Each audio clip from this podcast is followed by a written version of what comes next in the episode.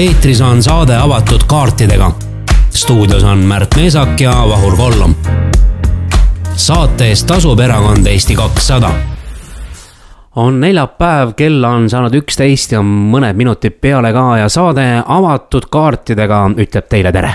ja Märt Meesak ütleb teile ka tere uudiseid äh, on Eestis päris palju siin viimasel ajal olnud, aga üks asi, mis meid aeg-ajalt kõiki ikka puudutab, sest ähm, on vajadus ju puhkuse järele või ärireisi järele ja siis äh, kahtlemata on üks transpordiviise liikumiseks ju lennuk ja, ja see on üks olulisemaid lennuühend-, no selles mõttes lennuk on ju olulisemaid transpordiühendusi, kui sa tahad nagu kuhugi kaugemale minna, et, et bussiga, rongiga on tore sõita.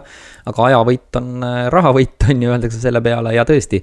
viimase nädala üks selliseid olulisemaid uudiseid oli siis see, kus äh, iirlaste mm, Ryanair teatas, et äh, ta paneb seitse lennuliini juba lähimatel aegadel kinni ja, ja põhjus on väga lihtne jah, see on äh, lennujaama tasude tõus, äh, mis on nagu üllatav.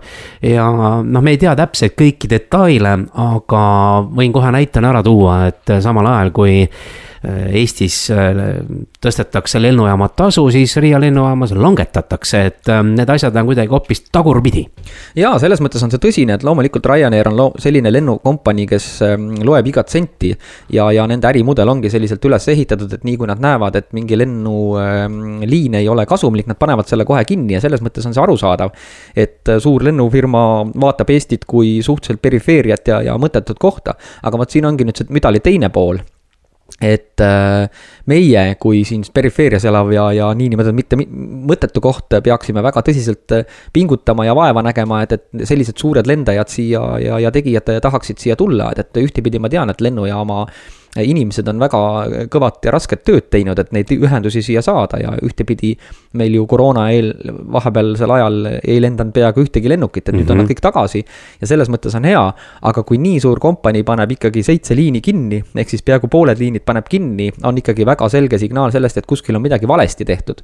et äh, täpselt, et sa rääkisid küll puhkusest ja, ja tööreisist, aga teine on ka äh, vastupidine, et, et äh, meie lendame tõenäoliselt vähe, aga meil on vaja inimesi siia juurde saada. turiste. just, turiste ja, ja ka ärireisijaid ja nemad toovad meile selle raha ja kui nad toovad väljaspoolt meile selle raha, siis seda rohkem ju ja paremini meie saame ka elada, sest väljastpoolt tulev raha on ikkagi see, mis siis SKT-d nagu natukene nagu äh, tõstab, on ju, et eksport on ikkagi see lisaraha. et selles mõttes on see väga tõsine teema ja loomulikult lennujaam on öelnud, et nendel oli kahjum, on on ju, nad tahtsid seda katta. aga noh, kolmekümne kolme protsendise tõusuga on ikkagi suhteliselt eh, julm seda katta et eh, eriti kõrval, kui Riia lennujaam, kes on niigi meist peaaegu kaks korda suurem, eh, ei tõsta ja pigem alandab, ehk siis lõpuks on niimoodi jabur olukord, kus on Vilnius täna.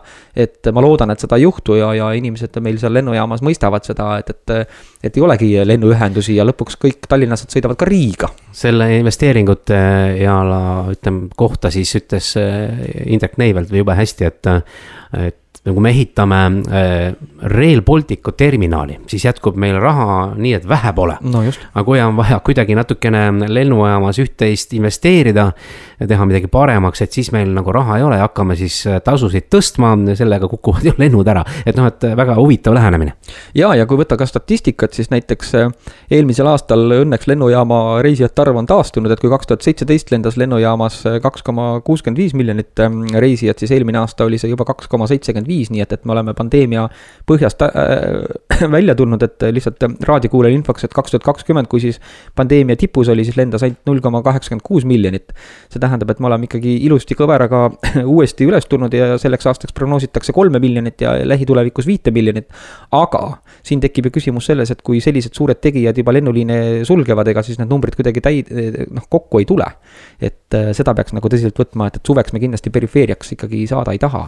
Ja eks Lõuna-Eestis on ka veel teemaks olnud äh, lennuühendused, siinsamas Tartu lähistel on Ülenurmes ju lennujaam, on ju. ja ma, ma, ma kogu aeg mõtlen, imestan, et äh, okei okay, äh,, Ryanair maandub Tallinnas. aga miks mõni selline odav lennufirma ei maandu siin Ülenurme lennujaama näiteks? No seal on vist äh, põhjus pigem selles lennujaama, pigem vist mitte isegi täituvust, lennu, Ryanair otsib alati äh, odavaid lennujaamu suurte pealinnade kõrval, on ju, ega mm -hmm. kui sa mhm. lendad ka praegu äh, Ryanairiga, tahad lennata Tallinnast Londonisse, ega sa ei lenda Londonisse, sa lendad Stanstedi. jaa, olen, oleme isegi seal maandunud, aga vist ma tõin nagu viskasin nagu sihukese kinda, on ju, et, et miks see võiks ka nagu olla siin Ülenurme lennujaam või siinsamas Lõuna-Eestis ka mõni lennufirma maanduda. ma üritasin sulle vastata lihtsalt. jah, et see on jah, aga ma ikkagi noh, ütleme, et tulen tagasi selle juurde peale, et miks mitte, et vahepeal siin käisid mingid lennukid ja oli võimalik lennata siis ka erinevates suundades. sest tegelikult äh, on lihtsam ju sellel inimesel, kes elab näiteks siin Tartus või Tartumaal või Jõgevamaal. on kohati Riia isegi lähemal kui Tallinn, et äh, lõpuks ma... Äh, lähemegi sealt lendame majale. ma siis ma, uuesti proovin vastata, et küsimus on selles, et Tartu lennujaam ei võta sellist suurt lennukit vastu, tal ei ole lihtsalt seda võimekust, sellepärast et Tartu lennujaamas saavad maanduda väiksemad lennukid väiksemate lennukite mõte on selles, et nad toovad ette reisijaid, vaata, on ju. Mhm. et äh, lihtsalt äh, Tallinna lennujaam ei ole kahjuks nii suur lennujaam, et sinna reisijaid väga ette kuskilt tuua, see on see probleem. et ma kujutan ette, et kui Ryanairi lennuk suudaks Tartus maanduda siis ma arvan, et isegi ta maanduks sinna ja saadaks no, bussiga inimesed Tallinnasse. tegelikult on võimalik seda isegi teha, aga, aga mis sa mõtlen, et Ei, see on nagu tulevikku suunatud äh, mõte, et võib-olla tuleks siis ta natuke suuremaks teha. et võib-olla siis oleks siin odavamad ka lennujaama tasud ja saaksime ka mingi lennuki reaalselt siia Lõuna-Eestisse lõpuks maanduma, et kõik ei pea olema ju Tallinna keskne. no loodame, et ei ole ka tulevikus selles mõttes, et loomulikult ei pea, et, et kui me siin ju paar saadet tagasi rääkisime, et kaheksakümmend tuhat elanikku on juba Tallinnasse läinud, siis mingil hetkel polegi enam kedagi sinna minemas, et et äh, siis saab, siis need statistikanumbrid ju hakkavad langema. kuule, aga meie jaoks on ju oluline teema olnud ka siin varasemalt äh, üleüldse riigi toimimine ja noh, see lennujaama teema nüüd selles mõttes ei lähe kokku, et siin nagu korruptsiooniga tegemist ei ole. aga, aga murekohti on ju ka ja teisi, et, et äh, eriti siin valimiseelselt tuleks nagu võib-olla natuke mälu värskendada, et, et mil-, millega siis meie poliitikud ja, ja parteid siin varasemalt. sa lendasid nüüd üsna varakult teemasse sisse, aga ma tahtsin alustada sellest, et ähm, on üks Äh, uuring avaldatud ja selle põhjal Eesti seisab korruptsioonitaju indeksis vankumatult paigal. ehk äh, jagades seitsmekümne nelja punktiga neljateistkümnendat kuni seitsmeteistkümnendat kohta Kanada, Islandi ja Uruguay'ga. et äh, väga suurtesse detailidesse ma ei lähe, küll aga korruptsioonivaba Eesti tegevjuht Steven Risto Evestus ütles selle kohta järgmist. et sel korral ei ole meie jaoks olulisi muudatusi toimunud, seda nii edasiliikumise kui tagasilangemise osas. et hoiame stabiilselt oma positsiooni, mis viitab nüüd rõhk veidike uinunud olekule ning kutsub üles värsketele initsiatiividele ehk siis äh, positsioon pole küll halb, äh, kuid saaks oluliselt paremini. et äh, me seisame täna paigal ja ma olen, ma olen sellele vist äh, vihjanud ka ja olen rääkinud, et äh, et korruptsioonivaba Eesti esitas juba augustis kõikidele erakondadele ka oma sellise mm,, kuidas öelda, punktid, millest võiks siis äh, lähtuda. ja tuletas äh, meelde, et äh, erakonnaseaduse muutmine vajab jätkamist. näiteks me läheme ilmselt ka pärast detailidesse samuti rõhutati seda, et eetiline käitumine on poliitilise kultuuri keskpunktis nii et äh, ka see on tänasel päeval oluline osa. Ja otse loomulikult äh, rõhutati ka katuserahade meetme lõpetamist just, no katuserahast me oleme ju, Vahur, sinuga siin ähm, mitmeid kordi rääkinud ja katuseraha on tõesti selline väga selge äh, ja isegi väga lihtsasti väljavõetav äh, korruptsioon, ehk siis altkäemaks valijale äh, oma kodukohas, et noh, tuleme jälle siit isegi natukene tagasi, kus ähm, siseminister tahtis ikkagi oma erakonna liikmetele määrata niinimetatud katuseraha läbi ministeeriumi eelarve, kuigi ta peaks kordoneid ja, ja päästepunkte ja Päästeameti hooneid remontima, tema tahtis koole remontida ja nii edasi ja pluss kõik need muud, kes tahtis eh, reformierakondlasena kuskil Viljandimaal oma tänavavalgustust panna ja, ja nii edasi. et noh, need on, need on selged aga, näited korruptsioonist, eh, mida me näeme, aga, aga see on see, et eh, kui siin siseminister sai pikku päid ja jalgu, siis oli seal veel ministeeriumi, kus jaotatigi raha ära mingitele lausa organisatsioonidele ja millele rõhub veel nüüd korruptsioonivaba Eesti tähelepanu, et on vaja paika panna erakonnaseaduses ka, mis asi on sidusorganisatsioon. Ehk termin, ma, ma jätkan selles mõttes, et äh, miks seda vaja on. ehk äh, erakondadel on palju erinevaid satelliite. ja kui me vaatasime, kuidas katuserahasid äh, jaotati, siis toodi välja meedias ka, kellele läks, kui palju ja mismoodi. MTÜ-d. MTÜ-d ja kõik need MTÜ-d väga paljudes kohtades olid konkreetsete erakondade liikmed, kas juhatuses tegeliku kasu saajad või siis ka kandidaadid nimekirjas. ehk tekibki küsimus, et kas siis meelitati selle toetusega teda kandideerima. kas kasutatakse sellele mittetulundusühingule antud raha miskit moodi kaudselt kampaanias ära. sellepärast, et äh, ei ole õigus ka erakondade rahastamise järelevalve komisjonil nõuda nendelt kolmandatelt isikutelt mingisuguseid aruandeid. et äh, see on puhas rahakülv ja lõpuks täidab see konkreetse huvigrupi või erakonna erakonna eesmärk lõpuks. muidugi see on ja selles mõttes, et kui praegu Riigikogu erakonnad saavad viis koma neli miljonit iga aasta niigi enda kontole mitte midagi tegemata, ehk siis nad peavad valimistel sellesama rahaga terve linna plakatit täis kleepima, uuesti valituks saama ja jälle mhm. see raha tuleb neile konto peale. siis lisaks nad on tõesti üritanud päris sügavale käe ajada ka riigi rahakotti erinevate MTÜ-de, SA-dega, sellepärast et noh, katuseraha või siis riigieelarvest sa erakonda rohkem ju toetada ei saa, kui see viis koma neli miljonit ja siis on mõeldud igasuguseid toredaid skeeme välja kus on tehtud mingisugune äh, konservatiivide harimiskeskus või liberaalne mm, mingisugune MTÜ on ju. ja sinna saab ju äh, raha äh, riigieelarvest. aga see on ju väga selge see, et, et see ei ole mitte sellepärast, et ähm, see MTÜ nagu noh, võib-olla nad ka natuke hoolivad sellest, aga see on puhas poliitiline ühe erakonna hüvanguks tehtav kampaania, jah, otse võib-olla näopilte ei kleebita selle raha eest kuigi perekonna ja traditsiooni kaitseks eh, mõned valimised tagasi ka seda tegi, ütles, et ärge neid valige. et eh, see on, see on ju sama või, või tuleme praegu ka just nendel valimiste eel korraks oli üleval teema, kus eh, Eesti kirikus öeldi, et need valijad teevad pattu, kui nad nende erakondade poolt valivad, et noh. mis on, asi see on siis? jaa, just, on ju, et see on ju ka varjatud valimisreklaam tegelikult riigi raha eest, on ju. et see kõik on selles mõttes ikkagi suhteliselt pudru ja kapsad ja, ja poliitikud on olnud siiamaani, eriti need, kes on seal pikalt olnud, suutnud neid mm, sidemeid ja, ja sugemeid ikkagi nii sisse ajada igale poole, et nende jaoks tundub see juba täiesti loomulik ja normaalne, et nad lihtsalt panevad veel sada tuhat kuskilt kõrvale. ja peame rõhutama veel kord seda, et äh, neid katuserahasid äh, jagasid ju kõik, absoluutselt kõik Riigikogus äh, veel täna esindatud erakonnad, nii et patust ei ole mitte keegi puhas ja on kõik seda eba, ebamoraalset katuseraha jaganud, võib-olla sõna ebamoraal on isegi hästi öelnud, aga, aga korruptiivne tegevus on see igal juhul. see näitabki seda, et kui meie endine riigiprokurör juhib tähelepanu, et me seisame kuskil.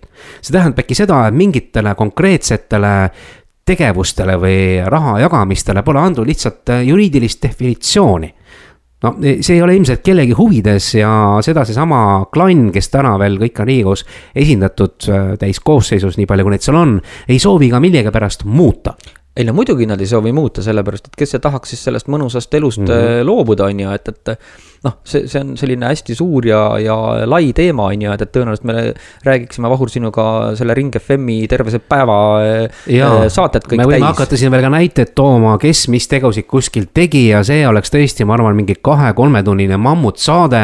Äh, peaksite võtma ka kohe endale võileivaid ja kohvi ka kõrvale, sest see detailide rohkus oleks päris suur, mis on siin aastate jooksul kordu saadetud ja kuidas on seda raha jagatud vasakule ja paremale, see on kõik olnud maksumaksja raha just, ja, ja siin tegelikult võib-olla ongi mm, selge sõnum ka see, et, et lihtsalt eh, ka poliitikutes ja, ja eh, valitsustes on vahepeal vaja vahetust ja värsket verd, sellepärast et eh, kui seda peale ei tule, siis see harjumuspärane mugavustsoon, kus need inimesed elavad ja see hoopis teine maailm, mitte isegi see ei ole nagu esimene Eesti, vaid see on, ma ei tea, null Eesti, et see, seda ei raputa muidu mingit moodi, et, et kindlasti alati on vaja uut verd, uusi nägemusi, uusi inimesi ja mitte sellepärast, et need uued inimesed saaksid ka siis äh, kokku kühveldada raha ja varastada.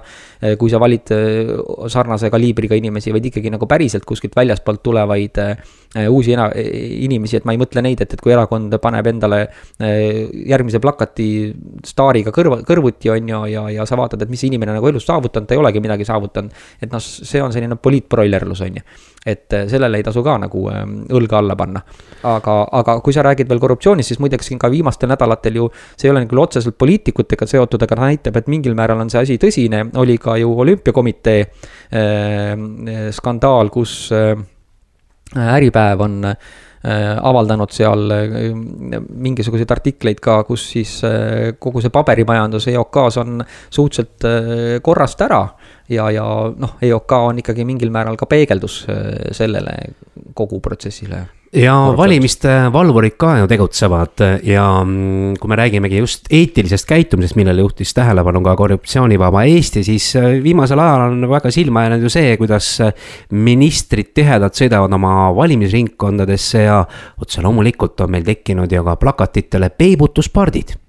ei noh, muidugi nad on ja selles mõttes mõni muidugi on ausalt ka öelnud, et et äh, nad noh, nad ei lähe äh, Riigikokku, on ju, et, et äh, siin Ida-Virumaal mõni, mõni ja, ja Europarlamendi saadikud. valijad meelde, et nende poolt pole mõtet ka hääletada, seal on järgmine kandidaat ka või valige üldse teine erakond. no just, et selles mõttes jah, et, et ikkagi, kui sa kandideerid, siis võiksid ikkagi nii palju vähemalt äh, aus olla selle valija suhtes, et sa ikkagi siis lähed ja täidad selle mandaadi ära, muidu ongi needsamad näod kogu aeg, sest hästi lihtne on teha seda nimekirja.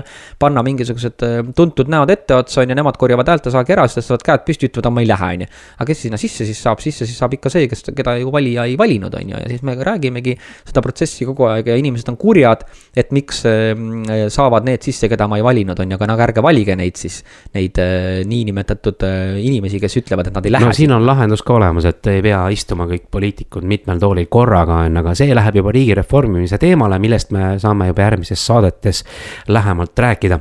aga nüüd on aeg väikeseks pausiks raadiosaade avatud kaartidega on Raadio Ring FM eetris neljapäeviti kell üksteist ühiskondlikel ja aktuaalsetel teemadel arutlevad Märt Meesak ja Vahur Kollom. Meedias on olnud päris palju teemasid, mida on kajastatud ja üks asi, mis ikka ja jälle on meil teemaks, on Nursipalu ümber toimuv ja, ja teema on ju väga tõsine ja väga oluline äh, mitmes mõttes, et esiteks äh, oluline selles mõttes, et inimestele on äh, Kagu-Eestis valitsuse poolt suur kolin tehtud ja, ja pähe istutud.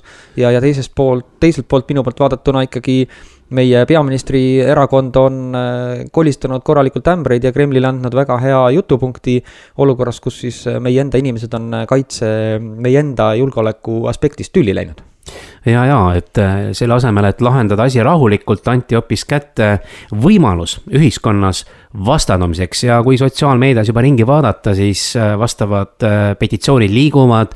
juba toimuma hakkavad ka varsti meeleavaldused, et seda kõike oleks saanud ju väga konkreetselt ja hästi lahendades ära hoida no täpselt, kui me alustame päris ju sinna algusesse, siis ega see kommunikatsioon ikkagi oli täiesti puudulik ja, ja kui Eesti riik tahab äh, laiendada enda inimeste mm, kodude arvelt äh, julgeolekupoliitilisi asju, siis äh, tuleb lihtsalt need inimesed, ärge nüüd solvuge, kinni maksta.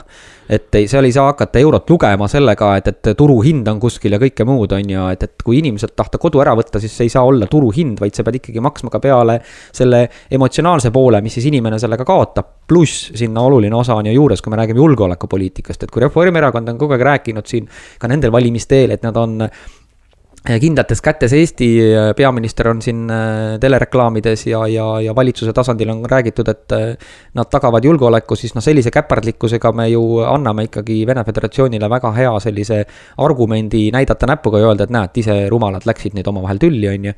selle asemel, et äh, teha see mõistlikult ja, ja, ja tõesti, nagu sa ütlesid, mitte vaikselt, aga, aga noh, ära ja, ja ega see Nursipalu küsimus ei tulnud ju lauale nüüd alles hiljuti, seda oli juba ammu ette teada, et on vaja seda laiendada ja juba ammu oleks võinud ka hakata suhtlema nende inimestega, kes seal elavad.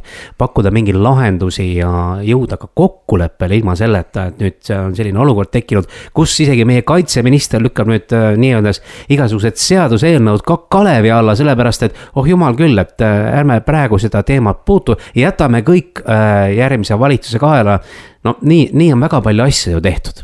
ei no nii on väga palju asju tehtud ja muideks lihtsalt täpsustuseks, et ega ainult ju Nursipalu ei laiene, vaid tegelikult ülejäänud äh, polügoonid ka on planeeritud laiendada, ma just vaatasin tabelit, kus kõik kasvavad äh, nii Sirgala kui äh, kui, kui ka need teised. aga jah, selles mõttes on sul õigus, et praegu siis Reformierakond tegi väga mõnusa spinni enne valimisi, et, et ühtepidi nad räägivad siis endale ju vastu, et, et kui nad ütlevad, et on kindlates kätes hoitud Eesti ja julgeolek on nende jaoks oluline, siis praegu ikkagi julgeoleku aspekt langes ära ja need hääled, mis siis Kagu-Eestist on võimalik saada enne valimisi, mitte seda konflikti nagu minna ja ära teha, sai siis olulisemaks ja see on väga kurb.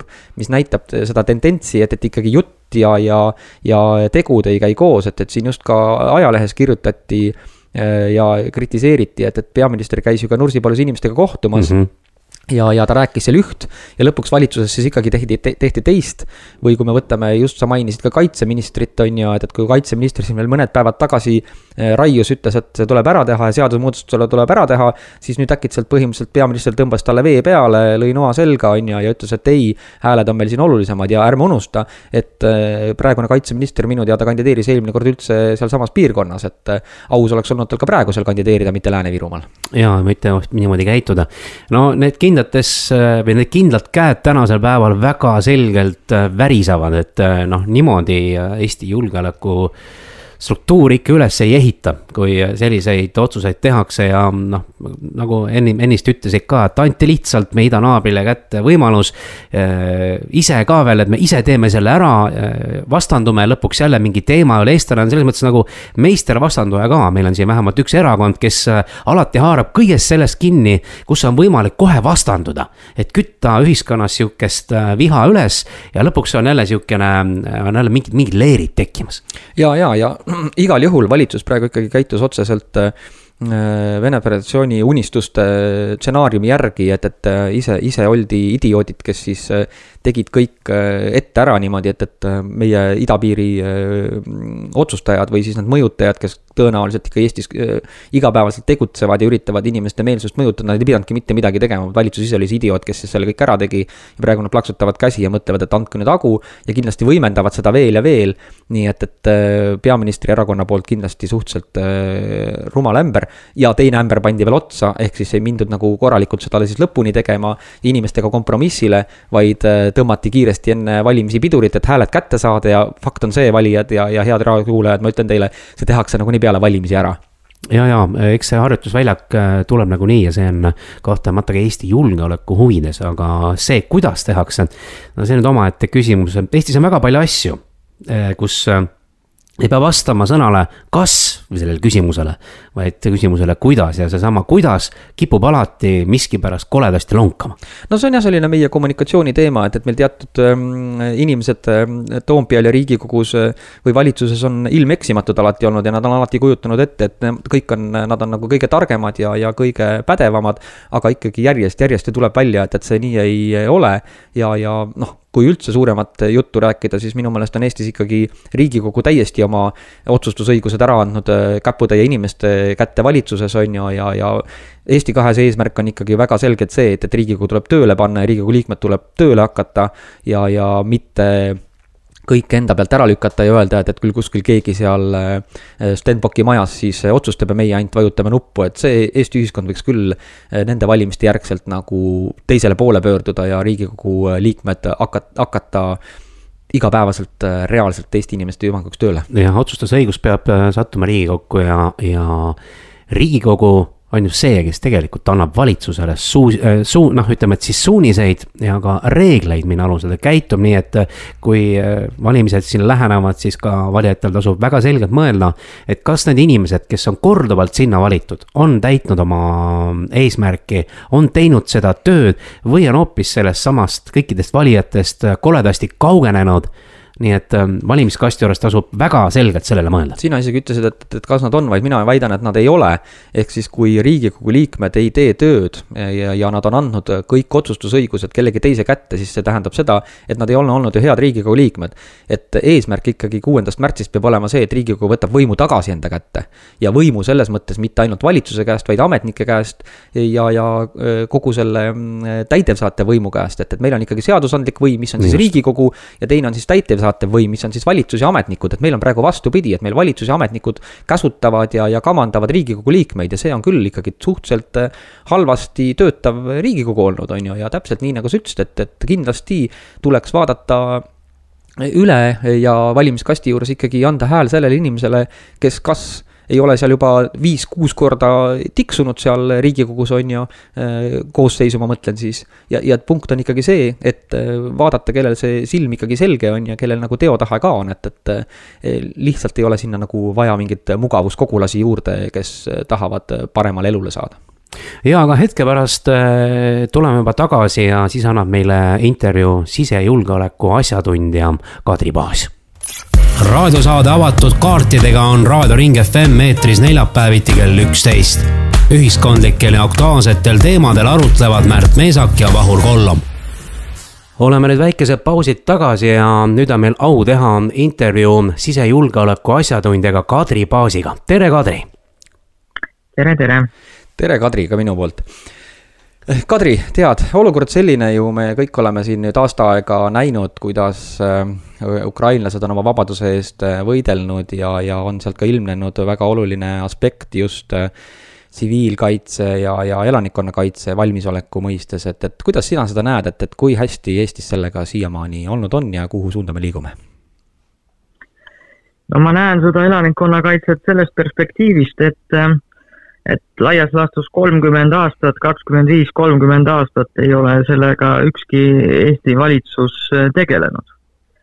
isegi mitte hoolimata sellest, et kaks tuhat kaks tuhat seitse toimus Eestis äh, pronksöö, mis oli küll äh, nii-öelda mittesõjaline mäss, aga, aga siiski rahvarahutused ja oleks võinud äh, sotsiaalmeedia arengu korral, kui sotsiaalmeedia oleks olnud samal tasemel ja samamoodi levinud nagu praegu, lõppeda palju hullemini. kaks tuhat kaheksa Vene-Gruusia sõda jällegi tekkis ootamatult kiiresti Äh, Pekingi olümpiamängude esimesel päeval venelased alustasid. puhtalt sõjaline konflikt hulga ohvritega. kaks tuhat neliteist Krimmi annekteerimine. Äh, tõsi, siis ühtegi Krimmi, Krimmis ühtegi ohvrit ei olnud, aga puhkes äh, Ukrainas sõda ida, idaaladel. ehk hoiatusi on olnud hästi palju kaks tuhat, kahe tuhandendal aastal ametisse määratud Vladimir Putin ei ole kunagi varjanud, et, et tal on ambitsioon taastada impeerium. impeeriumi osad on kahtlemata tema nägemuses Balti riigid, Poola, Ukraina, Vene keisririigi osa oli ka Soome näiteks. ehk ähm, see, et Eestis ei ole üleüldse mitukümmend aastat tegeletud tõsiseltvõetavalt meie tsiviilisikute kaitsega ja õpetamisega, mis juhtub, mida teha siis, kui midagi ränka to toimub, ei pea selleks isegi sõda olema, mõni ka suurem loodusõnnetus või kiirgusõnnetus näiteks, keemiaõnnetus. Et eh, see on nagu selge probleem ja, ja, ja noh, sellest peab rääkima ja, aga mis peamine, peab tegutsema just nimelt, et peab tegutsema, et ma sinna tahakski jõuda, et, et nüüd me konstateerisime fakti, et, et meil ei ole kakskümmend viis aastat ükski valitsus sellega nagu äh, tõsiselt tegelenud ja nüüd äh, viimasel ajal on just hakatud nagu äh, valimiseelselt rääkima, et, et, et nüüd on vaja sellega tegeleda, et, et kuidas sina seda näed, et, et mis meil siis nagu konkreetsemalt tegemata jäänud on? Ja mida peaks hetkel siis ka peale valimisi väga tõsiselt äh, ette võtma ja tegema?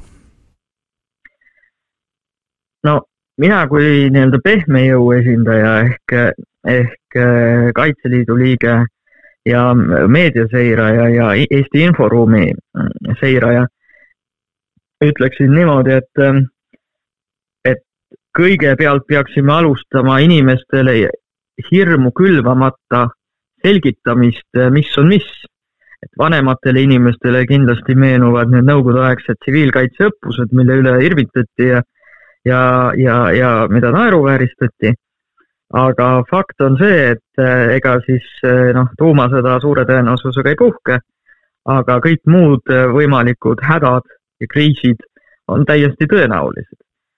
Et me ei pea saama Iskanderiga vastu pead, et, et meil siin mingisugune kriis tekiks. Te nägite eh, omal nahal saime tunda, mis juhtub, kui üks viirus eh, siin aasta-poolteist-kaks möllas see on täpselt samasugune kriis, et äh, inimestele tuleb väga selgelt ja ausalt ja otsekoheselt rääkida, et mis juhtub äh, erinevatel stsenaariumite korral. loomulikult äh, on inimesi, kes sellest ei hooli. Noh, võiks öelda, et siis on, toimib looduslik valik, aga on inimesi, kes saavad aru, et maailm on üldiselt habras ja ebakindel, et me peame sellega arvestama. Aga rääkida, rääkida, rääkida ja rääkida selgelt ja arusaadavalt ja ausalt. Jah, otse loomulikult elanikkonnakaitse on väga oluline teema ja hiljuti mm, lugesin siin ühte intervjuud ka ühe sõjaväelasega, kes ütles, et mm, need noored mehed, kes täna noh, lähevad siis sõjaväkke, et nende füüsiline võimekus on kaheksakümnel protsendil noormeestes juba ei vasta nendele testidele, ehk siis äh, juhtis tähelepanu, et on väga palju kohti, kus saab siis ähm, elanikkonnakaitse alguse loomulikult ka iseenda füüsise parandamisest, lihtsalt tõin väikese näite. aga ma toon ühe teise, teistsuguse näite. Äh, minu initsiatiivil sai Eesti kahesaja julgeolekuprogrammi sisse punkt sellest, et vaata, vaat Kaitseliit ja Kaitsevägi neil on kogu aeg õppused, regulaarselt. Eh, põhimõtteliselt Kaitseväe ja Kaitseliidu igapäevane tegevus tähendabki planeerimist ja õppuste korraldamist, harjutamist kõige hullemaks. nii, aga, aga meie tavakodanik, mina, sina, kes iganes, meie naabrid, meie üleaegsed, me peaksime ka neile korraldama nii-öelda õpitubasid, õppusi, praktilisi nii-öelda, praktilisi läbielamiskursusi, et, et erinevate stsenaariumite korral inimesed teaksid, kuhu, kuhu minna, kuhu, kus varjuda, mida teha, kuidas ennast ja teisi aidata, kõigepealt tuleb aidata ennast, vaat nagu lennukiski on, et kõigepealt tõmba endale ise hapnikumask pähe ja siis hakka teisi aitama ehk äh, praktilised oskused. üks pool on see, mida Päästeamet meile kommunikeerib, et, äh, et osta endale konserve ja tatart koju. hästi, võib olla kodus.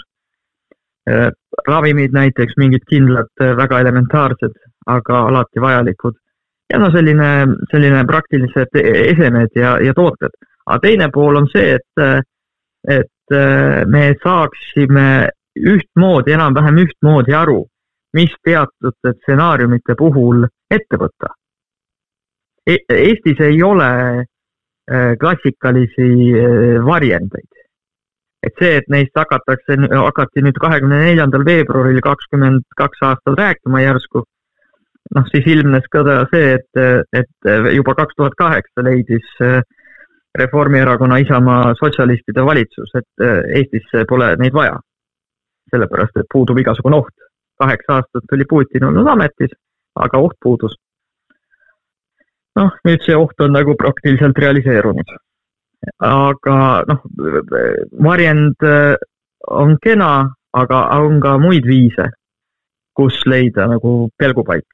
aga noh, sellest kõigest tuleb rääkida ja selgelt ja arusaadavalt rääkida aga kas sa oled nagu tunnetanud üldse seda ka, et, et me, me võime ju rääkida, aga selleks peab olema ka kuulaja, et kas Eesti inimene on üldse täna hetkel valmis reaalselt äh, mingit ohvrit tooma selle nimel näiteks, et äh, ta on, äh, annab oma, ma ei tea, auto näiteks või mingi traktori olukorras, kus seda vaja on, ära rekvireerida vabatahtlikult Kaitseliidule või Kaitseväele või, või kuidas sa seda nagu tunnetad, et, et kas me oleme üldse sinnapoole teel, kas see Ukrainas toimuv õudus praegu on inimesi rohkem nagu raputanud sinnapoole või pigem ikkagi suhtutakse ükskõikselt külmalt ja öeldakse, et, et võõra, võõra probleem, niikaua kui minu hoovis ei ole, nii kaua ei, ei mõtle?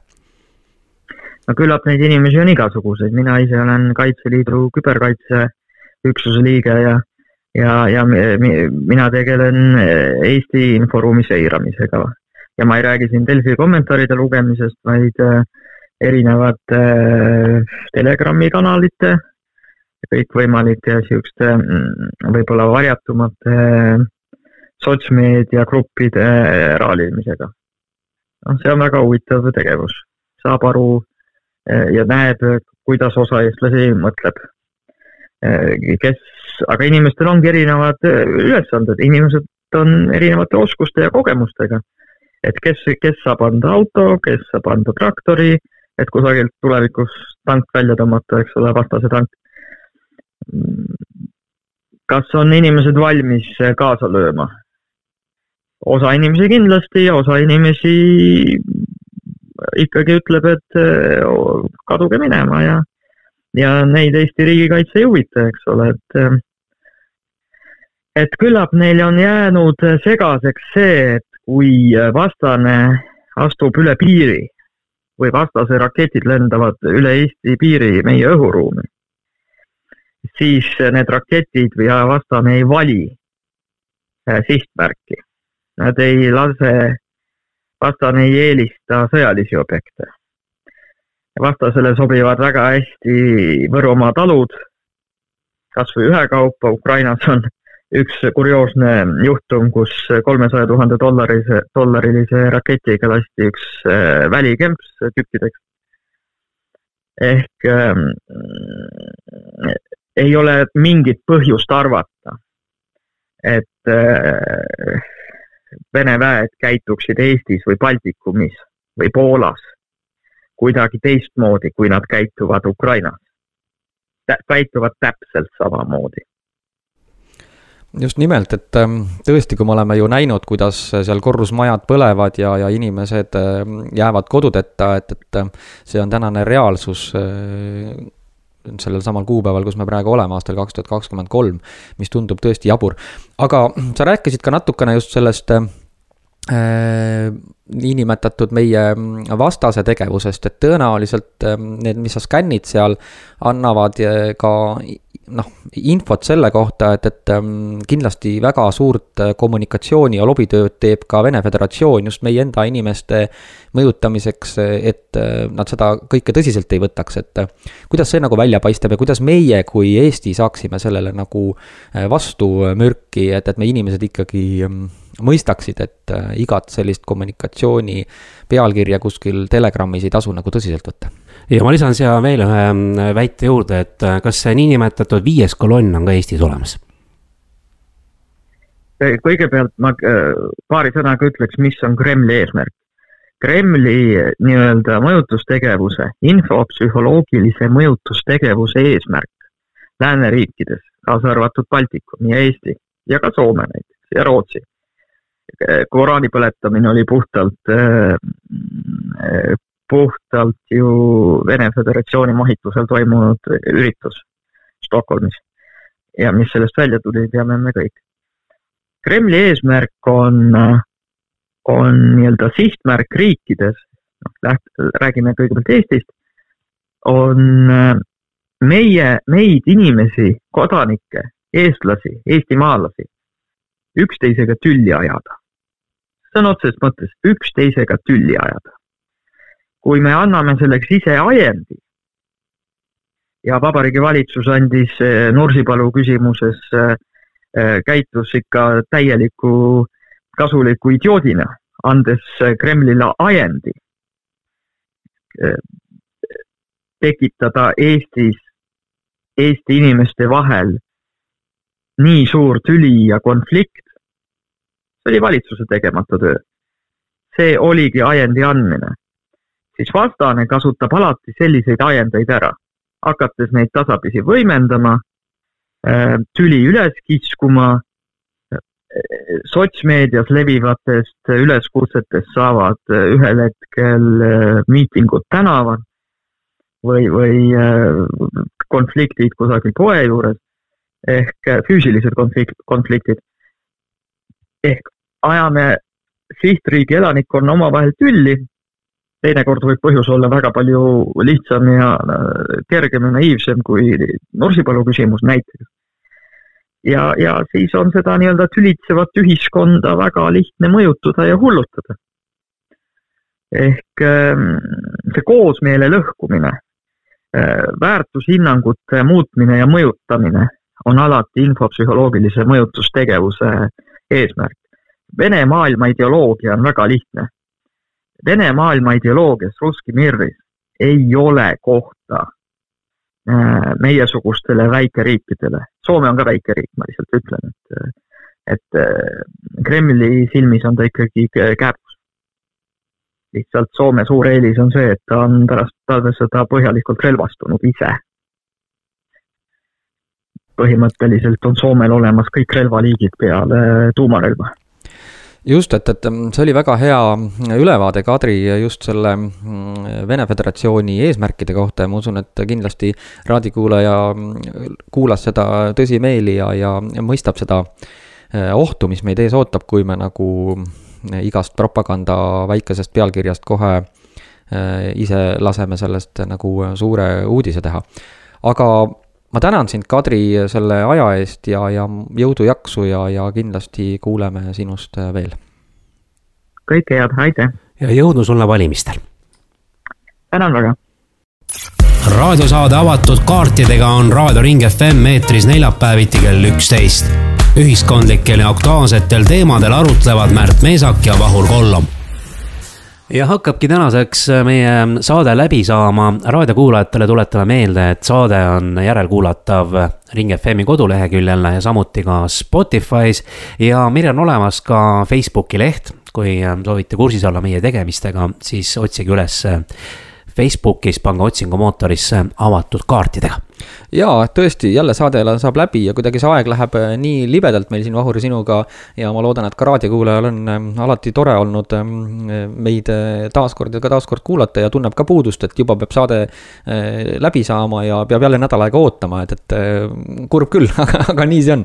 no järgmine nädal tuleb, tulevad jälle uued teemad ja nii edasi, aga raadiokuulajatele kindlasti peame rõhutama ka, et nii Märt kui mina, mõlemad me kandideerime ka Riigikogu valimistel ja Märk kandideerib siis äh, Jõgevamaal ja Tartumaal jaa, tõesti, et, et nagu oleme ka siin varem öelnud, et tule ja eh, kritiseeri, aga tule ja tee ka ja oleme ikkagi otsustanud, et eh, anname siis oma panuse ja tõesti Jõgeva-Tartumaal on mind üles seatud Eesti kahesaja nimekirjas. Eh, Jõgeva-Tartumaa siis on see ringkond, kus Tartu linn sisse ei kuulu, sest Vahur kandideerib Tartu linnas. Need on siis erinevad ringkonnad. Need erinevad ringkonnad jah, et ütlen numbri ka, et seitse, kuus, kaks on minu kandidaadi number.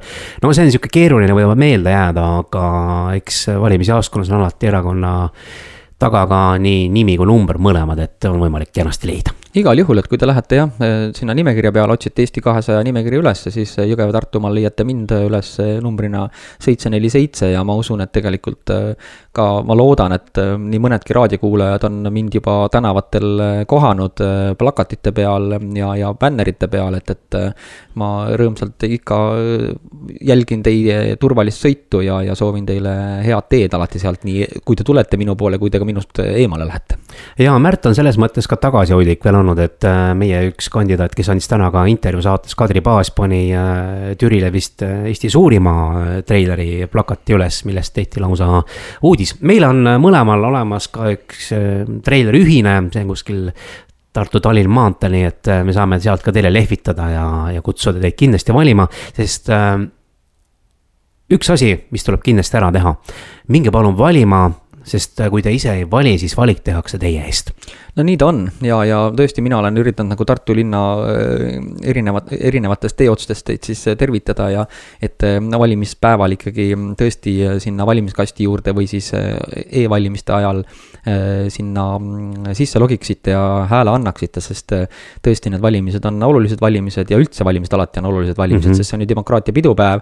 ja kui meie ei vali, siis valib keegi teine ja lõpuks, kui me ei ole valimas käinud, siis tegelikult ei ole õigust ka väga kritiseerida ja kiruda, sest enda panus on ju äh, kõige väiksem, mikropanus on ju andmata. jaa, valimised äh, annavadki võimaluse muutusteks ja, ja kuna siis on kõik ju võimalik. no just, ja meie oleme igal juhul Vahuriga valmis äh, seda mm, tööd tegema, kui peaks valija selle mandaadi andma ja, ja mina olen küll selles mõttes, tahe on suur, et, et võtta võim tagasi Riigikogule ja Riigikogu liikmed tööle panna. vähemalt ma ise saan seda enda eest lubada, teiste eest ma seda ei saa. just, Märt, kõik on võimalik. just. kohtume järgmisel nädalal. kõike head teile. eetris on saade avatud kaartidega. stuudios on Märt Meesak ja Vahur Kollom. saate eest tasub erakond Eesti kakssada